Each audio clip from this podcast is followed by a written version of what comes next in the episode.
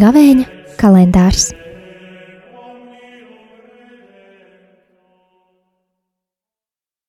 Astotais marts, otra diena. Lasījums no pravieša Īsaja grāmatas. Tā saka kungs, kā lietus un sniegs nonāk no debesīm un tur vairs neatgriežas, bet aplaista un atveldzē zemi, padara to auglīgu un dod sēklu sējējam un maizi ēdājam, tāds būs arī mans vārds, kas izies no manas mutes. Tas neatgriezīsies pie manis tukšā, bet izdarīs visu, ko vien esmu gribējis, un paveiks to, kādēļ esmu to sūtījis. Tie ir svēto rakstu vārdi.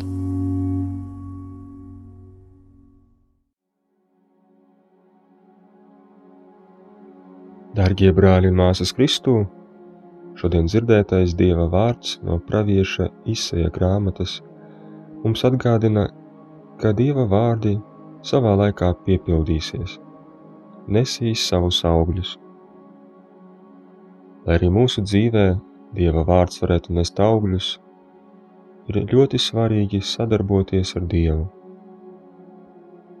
Dievs kā mīlošs tēvs rūpējas par saviem bērniem – Dievs dara visu iespējamo un vajadzīgo, lai palīdzētu mums atgriezties un sākt jaunu dzīvi.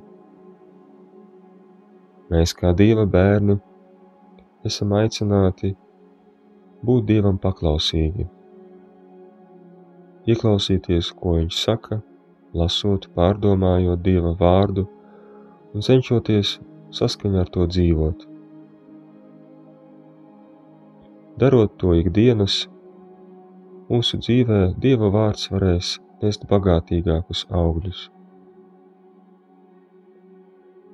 Ikdienā redzot savu dzīvi Dieva vārda gaismā, redzot arvien no jauna kritienus, tajos pašos grēkos, var rasties mums domas, ka nav iespējams kaut ko mainīt mūsu dzīvēm bet Dievs no mums neprasa neiespējamas lietas. Un par to labi liecina ļoti daudzi svētie. Svētie, kuriem izdevās piepildīt Dieva gribu savā dzīvē un ļaut Dieva vārdam nest augļus, mēs varam novērot to, ka viņu panākumu atslēga ir bijusi paklausība un dedzība Dieva gribas pildīšanā. Kad cilvēks neklausās Dieva vārdā, nepaklausa un slinko, tas attālina no Dieva. Tāpēc centīsimies ikdienā ņemt vērā katru vārdu, kas iziet no Dieva mutes, un dedzīgi lūkšanā gūstot spēkus, piepildīt Dieva nodomus savā dzīvē, lai arī Dieva vārds varētu nest bagātīgus augļus mūsu dzīvēs, gan šajā dzīvē, gan pēc tam visā mūžībā. Āmen!